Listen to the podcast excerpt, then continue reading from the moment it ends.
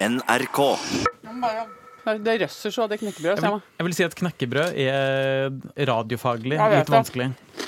Jeg koser meg. Jeg tok skikkelig mye ost, og jeg møvler ost. Men du, du kan jo spise knekkebrød mens jeg ønsker velkommen. Mm. Dette er Lindmo Co. Rune Norum sitter her. Eh, Jeg sitter her. Jeg heter Halvor Haugen. Og Anne Lindmo, du trenger ikke å si hei. Du kan tygge ferdig knekkebrødet ditt, men du kan gi meg et anerkjennende nikk. Takk skal du ha. Sier dere maule, forresten? Møle, sier jeg. Vi har ikke diftonger, vet du. Nei. Og på trøndersk er det mevøl. Altså, og hva er det som egentlig ligger i maule? Det er å med begge hender ta tak i noe mat Ja. og trekke det med vellyst og glede inn i kjeften, og ikke bry deg om det ser bra ut, eller om noe kommer utenfor, eller smuler som Ja. ja. faller ned og sånn. Bare trekk det inn. Ja. Ikke smak så mye på det, bare få det ned Møvling. i magesekken. Ja, Men og mener du? Jeg mener mauling er eh, lystbetont, men Ja, jeg ja. opplever også at i maulingas vesen så ligger det at det skal være litt ensidig.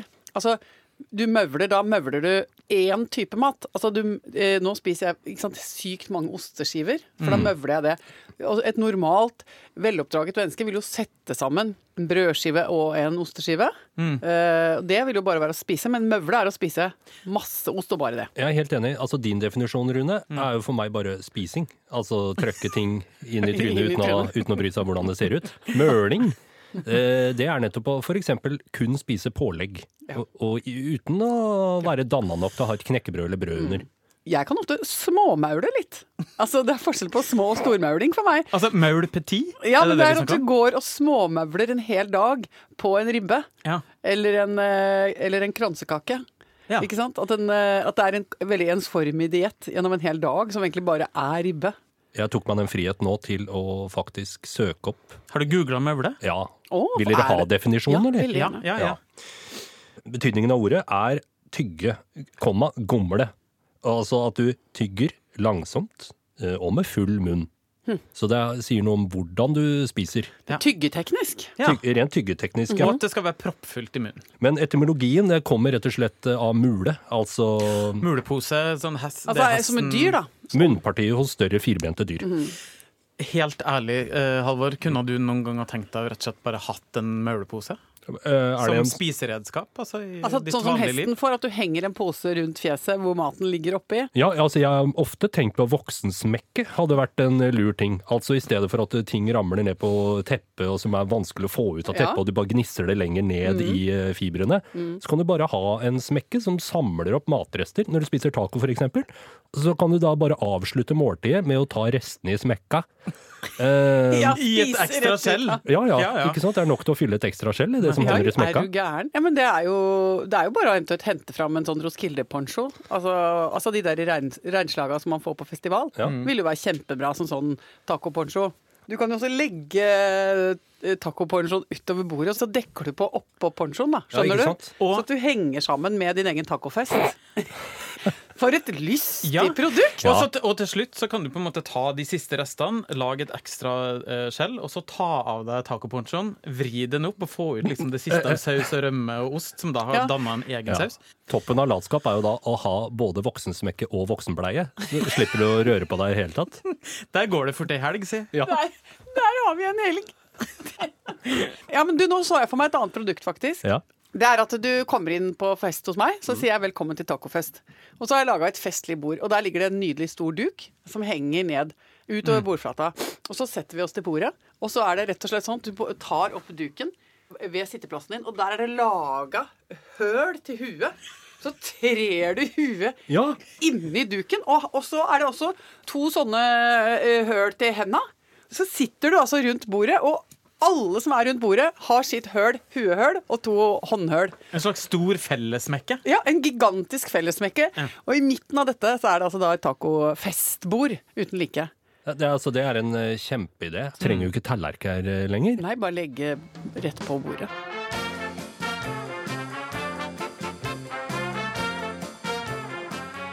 Jeg er veldig skamfull Oi! og flau Og meg selv. Og min manglende boevne, vil jeg nærmest si. altså min, mitt eh, lave funksjonsnivå som menneske. Som igjen har eh, slått til og ført meg opp i en eh, masse tøys og pes og unødvendig åh, Hvilken del av livet er det snakk om? Det er den delen av livet som er mest defekt hos meg, nemlig den systematiske eh, og ordensmessige delen. Den har, nå har de nok en gang slått eh, sprekker. Jeg har vært ute på tur. Var noen dager siden så måtte jeg en eh, tur til Haugesund. Kom meg dit, får gjennomført det jeg skal, eh, og kom meg vel tilbake igjen. eh, Får fløyet hjem og kom på Gardermoen uten lommebok. Igjen? Men Ja dette er jo ikke lenge siden Nei, dette skjedde. Det er jeg glad for at dere umiddelbart også husker. Og det Måtte er jo du låne penger av flere forskjellige folk på Gardermoen du Ja, men da hadde jeg glemt lommeboka. Og nå har du Nå har jeg mista den. mista den, Ja ja. da. Så, eh, eh, For jeg vet at jeg hadde den eh, For jeg husker at jeg kjøpte meg en topperiskubbe. Og det er det siste jeg så til den lommeboka. Og så man, får man jo den terpentinsvette. Altså du svetter i alle, svetter, svetter i alle porer og, og blar og blar og blar i, i alle vesker og bager og inn og ut og styrer og steller. Nei, den er ikke noe sted. Og så går jeg og finner bilen min, og så ser jeg at den er jo øh, bensintom. Det er bare Den holder liksom i to mil, da. og, så, og så er det jo hybrid, så noen ganger kan man jo kjøre litt på batteriet. Nei, det var også Nei. Så det var ikke bra. Og da blir jeg så overbemannet. Jeg blir så, liksom, jeg blir så overveldet at jeg må stoppe på en busslomme og bare sitte og puste litt. Og så hva gjør jeg nå da? Og så, da, så ringer jeg hjem til han handleren min, da, som jeg kaller han, Hasse. og så sier han sånn nå må du bare, nå må du bare kjøre til nærmeste bensinstasjon. Og så må du bare se om du kan improvisere noe. Så da gjør jeg det. Så da tenker jeg greit, så, og finner ut hva som er nærmeste bensinstasjon, kjører dit, og så, og så er, tenker jeg sånn, ja, nå må jeg bare møte verden, og tenke at verden er et vennlig sted. Så da går jeg inn på bensinstasjonen, så sier jeg hei. Vet du hva som har skjedd med meg? Åpne med et spørsmål, ikke sant? Ja, ja. Skape interesse. Så sier jeg det som er så eh, dumt, er at jeg akkurat har landa på Gardermoen, og jeg har eh, rett og slett mista eller blitt frastjålet lommeboka mi, så jeg er helt blakk, har ingen penger. Og her ute står bilen min, der er det ikke noe bensin. Og jeg bor ganske mange mil unna. Så nå lurer jeg rett og slett på. Her er mitt forslag. Og dette er ba ikke sant? Jeg Ja, ja. legger det frem trinnvis. Ja. Kunne jeg ha fylt bensin for 500 kroner, og så vippse deg 500 kroner, og så betaler du for min bensin? Veldig løsningsorientert. Og gjett hva jeg får til svar? Det går helt fint. Ikke noe problem. Nei, nå tuller du. Det er altså så digg når det skjer. Det er så koselig.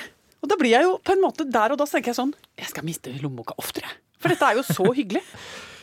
Eh, kan jeg ta opp noe? Ja, Selvfølgelig. Som har gjort inntrykk på meg? Ja. Det har altså skjedd noe helt utrolig eh, på en hønsefarm i Nord-Frankrike. Det er altså en rev som er blitt funnet ihjelhakka. Eh, det som har skjedd, er altså at reven går inn i hønsegården for, for å da ete. Ja. ja, kjent scenario. Og det etterforskninga da har vist eh, antar at det har vært en etterforskning. Ja, ja, ja, det må vi tro. Og det den har konkludert med, er at eh, denne reven rett og slett har møtt for stor eh, motstand eh, hos hønsa. De har slått seg sammen og hakka i hjel reven. Og Det bare gjorde så sterkt inntrykk, for jeg tenkte at det viser jo hva lagarbeid kan eh, gjøre. Det kan Yes. endre naturens orden. Ja. Jeg synes det var veldig, en veldig rørende fortelling. Det, det, det er jo så sjelden at det slår til. At et folkelig opprør faktisk styrter en, eh, en despot, da. Ja, det er akkurat Vi, ja, men altså, vi, vi hungrer jo etter det. Her må det jo ha skjedd én av to ting. Enten så har det bare vært at én høne tok nebbet og motet til seg og hakka løs, og så så de andre her hun er inne på noen ting. Ja. Her blir vi med. Det blir Ja. masse Mm. og det skjedde en voldelig handling, og etterpå så er det ingen som tar ansvar for det, og det bare ble sånn, og han Ja. ene begynte å Ja. Eller så er det jo antageligvis da en sjefshøne, og jeg vet ikke om høneflokka har det engang. Som da sier nå har han reven luska rundt i månedsvis. Det er mange av våre søstre som har dødd eh, og blitt eh, bortført. Nå må vi slå tilbake, og her er måten vi gjør det på. Kjære medhøna, Ja. her må vi gå til grep. Du er lokkedue, du er den penisen. Du går først. Du er penisen, var det det du sa? Du går først, du er den peneste. Du må stå og være lokkedue. Ja. Så har de et, De må jo ha en, et kode eh, Hva gjør høna? Den, eh, Kodeklokk. Kodeklokk. Ja. Så når du kommer med kodeklokke, Ja. da, kjem- da er vi der. Alle sammen. Ja. Åh, men jeg lurer på hvordan er stemningen nå, jeg, etterpå. Ja. Fordi, ikke sant, Kanskje den ene høna som satte inn dødsstøtet på reven, har hun på en måte Hvordan tar det kollektive vare på henne nå? Ikke sant? Ja. Fordi over- hun måtte jo på en måte gå ut og si 'jeg er villig til å drepe'. Jeg ofrer meg eh, og blir en drapshøne for at dere skal få leve. ikke sant? Ja. Og Det er jo en sterk rolle å ta. Og der ofte så slår jo eh, ting tilbake etterpå. Solidariteten kan smuldre, og ofte, det vet vi jo. Eh, at ofte så kan jo sånne mennesker som, som griper til den slags eh, liksom desperate handlinger i en krigssituasjon, bli stemplet etterpå som avvikere. Eh, ikke sant? Så det er tøff, tøff dynamikk. Tøff dynamikk. Jeg håper støtteapparatet er solid rundt disse hønene nå. Nå begynner jeg faktisk å, å, å tenke på eh, si, eh, dyrelivet nær meg. Når du Ja vel, ja. lanserer dette her med, med den voldsomme opprøret i hønegården der. Det er jo det at Jeg går jo ofte på tur med bikkja mi Bamse rundt Østensjøvannet. Mm, og der er det jo store flokker av fugl og ender og sånn som holder på. Uh, og det er jo verna område, så det, vi må jo passe på der, ikke sant. Uh, At god- ikke Bamse spiser dem opp. ja, og det er en god del folk som er der og sitter med kikkert og er fuglekikkere og tar bilder og sånn. Og de er veldig, veldig opptatt ofte av å liksom passe litt på oss hundeeiere. At ikke våre blodtørstige beist får lov å gå fritt rundt der nede og terrorisere fugl, da. Eh, og så har jo jeg fått en uh, firbent venn som er altså så forferdelig dum.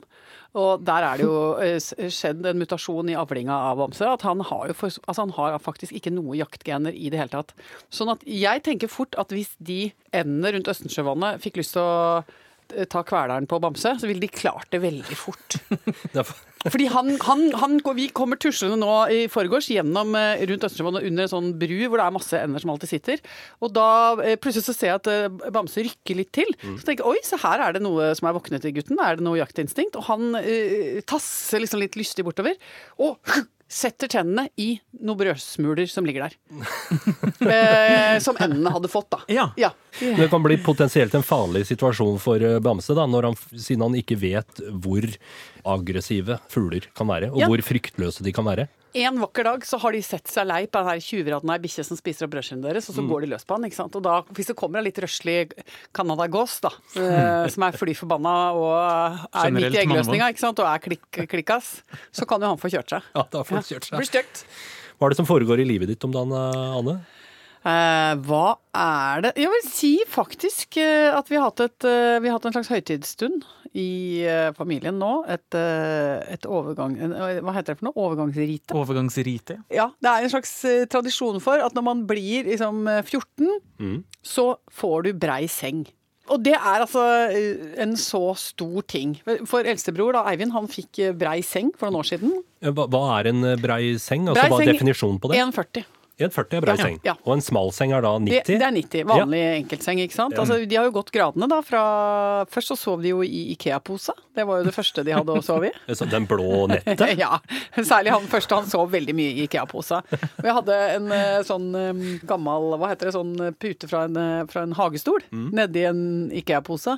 Var veldig praktisk barneseng, altså. Ja, ja, kan bare bære den rundt og legge den der. eh. Ja, han hadde, vi hadde den overalt. Kjempepraktisk. Og etter hvert så var han så vant til Jeg tror han koste seg med den derre Det var så blått og koselig nedi der, og det knitra så godt i den posen. Så han ja. sov absolutt best i den. Så det, og så fikk han jo vanlig barneseng, og så etter hvert så fikk de da sånne rammemadrasser 90. Og så så jeg det liksom med eldstemann, at han Det var bare det, Han vokste liksom ut han, han, Det var noe med Han hadde øh, liksom, Gutter har lyst til å ligge som sånn sjøstjerne og breie seg øh, ligge og feiten, da, som vi kaller det. Så da måtte han få det. Og han ble så glad. Aldri nesten sett han bli så glad for noe som han ble da han fikk øh, storseng. Så koselig. Det er jo nesten som eh, en konfirmasjon, på en måte. Ja, og, og nå da Ola er blitt 14, så sa jeg nå er det ut på byen og kjøpe brei seng. Å, herlighet! Altså, det var, eh, det var altså så jubel og glede. Også, Han har gått og venta på det i flere år, ja, da. ja, ja, han har virkelig gleda seg. Og det må jeg si, den, det trynet som liksom eh, ligger der og liksom er klar for å sove den første kvelden i den breisenga, å, det er, eh, det er, glad, det gladgutt. Det er inkarnasjonen av gladgutt. Samtidig som det er jo veldig koselig, Mm. så er jo sånne overgangsriter også kan jo være litt sårt, på en måte. For du blir jo minna på at eh, gutta dine blir, eh, Ja, begynner ja. å bli store, og det er kanskje bare en fem-seks år igjen før, eh, Før de forsvinner. før de forsvinner Ja, altså, ut av noe huset. inni meg vil jo klemme dem ned den karmsenga, ikke sant? Uh, Eller ned i en Ikea-pose. Ned i en Ikea-pose. Kan du være så snill å sove et par netter i den Ikea-posen, bare for å gjøre meg glad?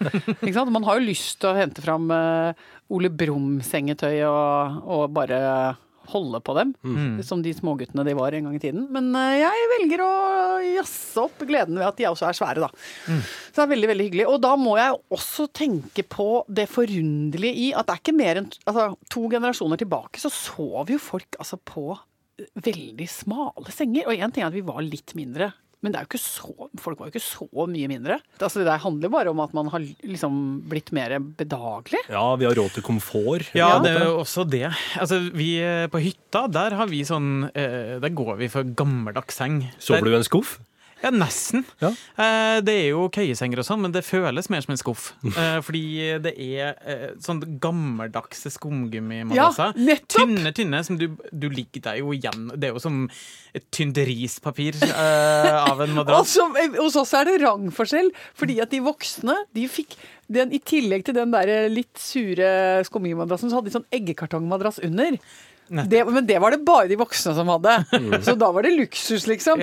Og da fikk du liksom én centimeter klaring over den der vonde, harde karmen. Og jeg er litt sånn gjennomsnittshøy, så for meg går det bra. Men broren min er jo mye lenger, så han sover jo liksom med bar ankel og bar fot, som da bare henger løst i lufta i enden av den uh, senga. Jeg sover ofte i et trau, jeg, på hytta.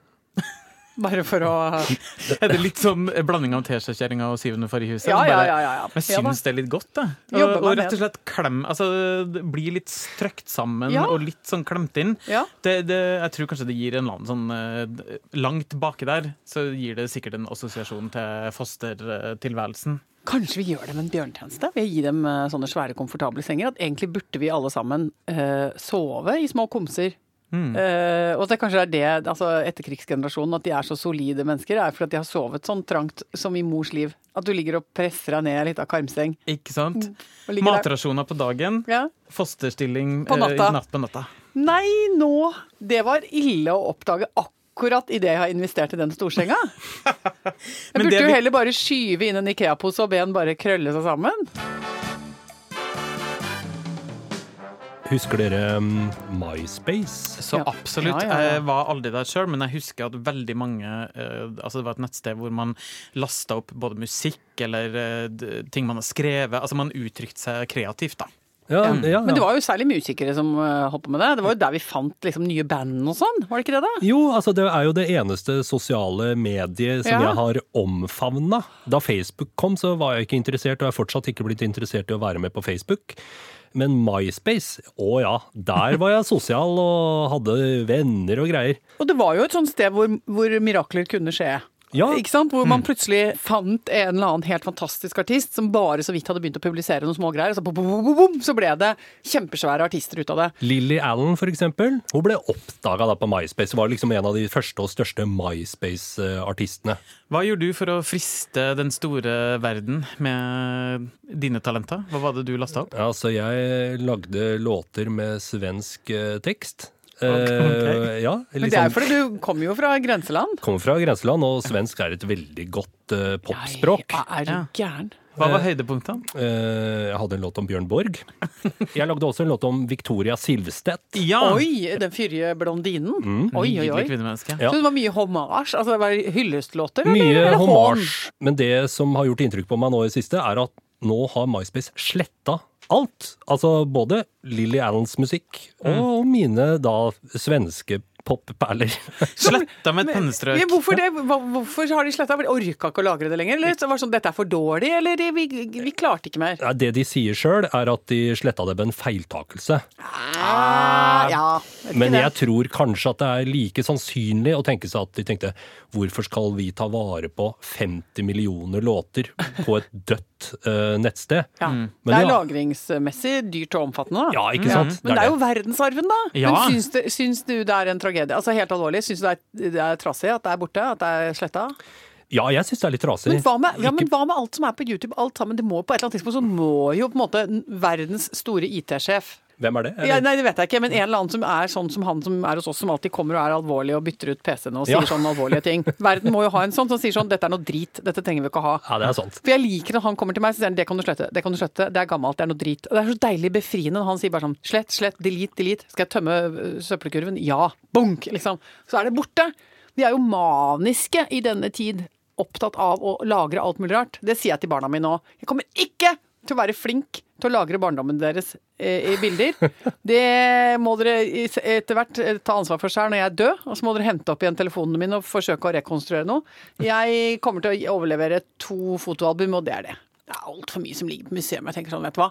Det der er, kan vi ikke bare skrote det, da. Det Altså, der hvis- er noe røtent ja, ja, ja, altså masse arkivarer som lå, går rundt med hvite hansker og blar og blar i masse sånn derre rusk og rask som egentlig bare burde vært pælma. Ja, tenker du at uh, middelalderens rusk og rask er blitt opphøyd til å bli noe spesielt, selv om det er og blir rusk og rask? Nå Selv om det er 1000 år gammelt? Si at innimellom når folk liksom jazzer seg opp og sier sånn her kan vi ikke bygge noen ting, for her fant vi en pilspiss i fjor, så tenker jeg har du sett den pilspiss, har du sett alle, altså. Slapp av. Jeg er litt enig, Få kanskje. opp et veikryss her, da. Og lag det litt skjært når dere først er i gang. Det mener jeg. Altså, er vi så liksom Beundrer vi det så til de grader at menneskeheten har klart å telje til noe til en spiss, liksom? Er, ikke det, er vi ikke litt for begeistra for oss sjøl, da?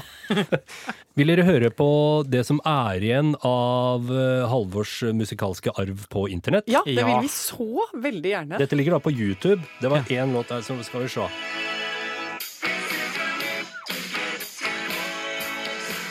Hei, hei, hei! Ja, ja. Dette er jo prima svensk lystig pop. Altså, Jeg ser deg for meg i en åpen, rød bil. Håret blafrer i vinden, du synger ledevokal. Jeg og Rune Norum sitter i baksetet med hvert vårt rytmeegg Oh, og lar rett og slett sjekka. hofta ta overtaket. Vi må ta postkassa, dere. Vi får jo alltid veldig mye hyggelig korrespondanse fra lytterne. Det er ikke alt vi rekker å lese opp i denne podkasten. Var... Vi har fått faktisk to nye lyttere eh, i Amerika. Vi har det, ja. Ja, det er så hyggelig. Det, det er, altså, noen ganger så tenker jeg at jeg forbanner eh, liksom, eh, i det store internettet og alt dets vesen, av forskjellige åpenbare grunner. Andre ganger så tenker jeg så magisk og gøy dette er. Plutselig er kloden et bitte lite sted hvor eh, vi kan bare liksom strekke ut handa, så har vi kontakt. Dukka opp en gammel kompis som jeg ikke har Herre, han har jeg sikkert egentlig ikke sett på 35 år. Altså, han er sønnen til noen av vennene til mamma og pappa. Plutselig så er det pling i innboksen. Hei, hei, vi bor i Amerika på tolvte året og syns det er så gøy å høre på podkasten deres. Så er Herregud, så koselig. Hei til Torgrim. Hei, Torgrim. Koselig.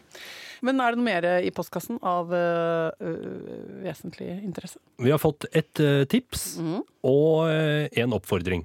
Oi. Oi. Tips. Ris og ros. Ja. Eh, tipset er fra en lytter som har lagt merke til at dere to spesielt er veldig glad i kaker. Ja. Lytteren bare tipser dere om at kakeparadiset, det finner man i Ungarn. Ungarske kaker, det er liksom det er toppen av kakehierarkiet, da. Nei Det var litt nei. nytt Dette for meg. Da må vi ta Budapest. Ja. Ja. Så vi må rett og slett legge neste redaksjonsseminar til eh, et konditori I Budapest. I, i Budapest. Men jeg kan love at neste uke så skal jeg forske litt på den eh, ungarske kakeverden. Gjør det. det interesserer meg. Gjør det og ta med smaksprøver hvis du kan. Vil vi gjerne ha. Lover Vi det. har uh, fått også uh, Jeg vil vel ikke karakterisere det som ris, men jeg vil karakterisere det som en eh, liten oppfordring fra en uh, lytter som eh, peker på et ord som du av og til har brukt, Anne. Ja, og- Som hun tenker at det finnes alternativer til. Jaha. Og det ordet er hate. Å! Ja, men det bruker jeg jo med stor frimodighet. Jeg hater ting, og jeg elsker ting. Ja. Altså, ja, men er ikke det et greit verb, da? Ja, er det ikke lov til å ha så store utslag i følelseslivet? Ja, jeg tror denne lytterens poeng eh, er at man bør spare det ordet til man virkelig mener det. At ja. det går, går ikke an å hate litt. Nei, det kan jeg være enig i. Så da bør man heller mislike sterkt, eller Ja. finne andre ord. Jo, men altså, jeg er eh, faktisk nå enig med denne personen som har skrevet inn til oss. Fordi eh, jeg kjenner at også singler eh, veldig i glasshus. Fordi at jeg, har vært veldig opptatt av Å få barna mine å si til dem at de aldri fikk lov til å si at de, at de ikke likte mat. Det de aldri. Det er en absolutt grunnregel. Det er ikke lov å si 'det liker jeg ikke'. Eh, og det er i hvert fall ikke lov å si 'jeg hater' til mat, da. Så gikk de som de gjorde tidlig alder inn i sånn voldsom diskusjon da, eh, om det premisset. Og så forhandla de seg fram til at de fikk lov til å si 'det er jeg ikke så overvettes begeistret for'. og det fikk de lov til, for jeg syntes det var så forferdelig gøy å se de to små trynene, uh, bitte små mennesker, sitte og si 'det er jeg ikke så overvettes begeistret for'. For det er ganske vanskelig å si når du er fire år gammel. Og når de, hvis de klarte å si den setningen, så fikk de lov til å ikke spise maten. Da sønnen min var sånn tre og et halvt, så fikk han til å si en setning. Det var setningen sentralbanksjef Øystein Olsen, hold styringsrenta lav. Og har han ofte fått bruk for den setninga? Ja, det, det, det har jo virka i mange år, da. Men nå, Nå nå, et nå er renta nå, opp igjen, så nå Ja. må vi minne på hva er mantraet her. Hva er mantra? Min sønn, det er hold styringsrenta lav. Ja. Men da skal jeg prøve å begrense bruken av ordet hate, og heller si det er jeg ikke så overvettes begeistret for. Veldig bra. Da føler jeg at vi har kommet fram til mål, egentlig. Ja, vi har det, og vi har vært i, nå har vi vært i kompromissets ånd, syns jeg. Ja. Absolutt. Det ser ut som det har vært ei høne under pulten her. Ja, Nå må vi runde av. Okay. Takk for nå, folkens. Anne og Rune, ha det bra, da. Ha det!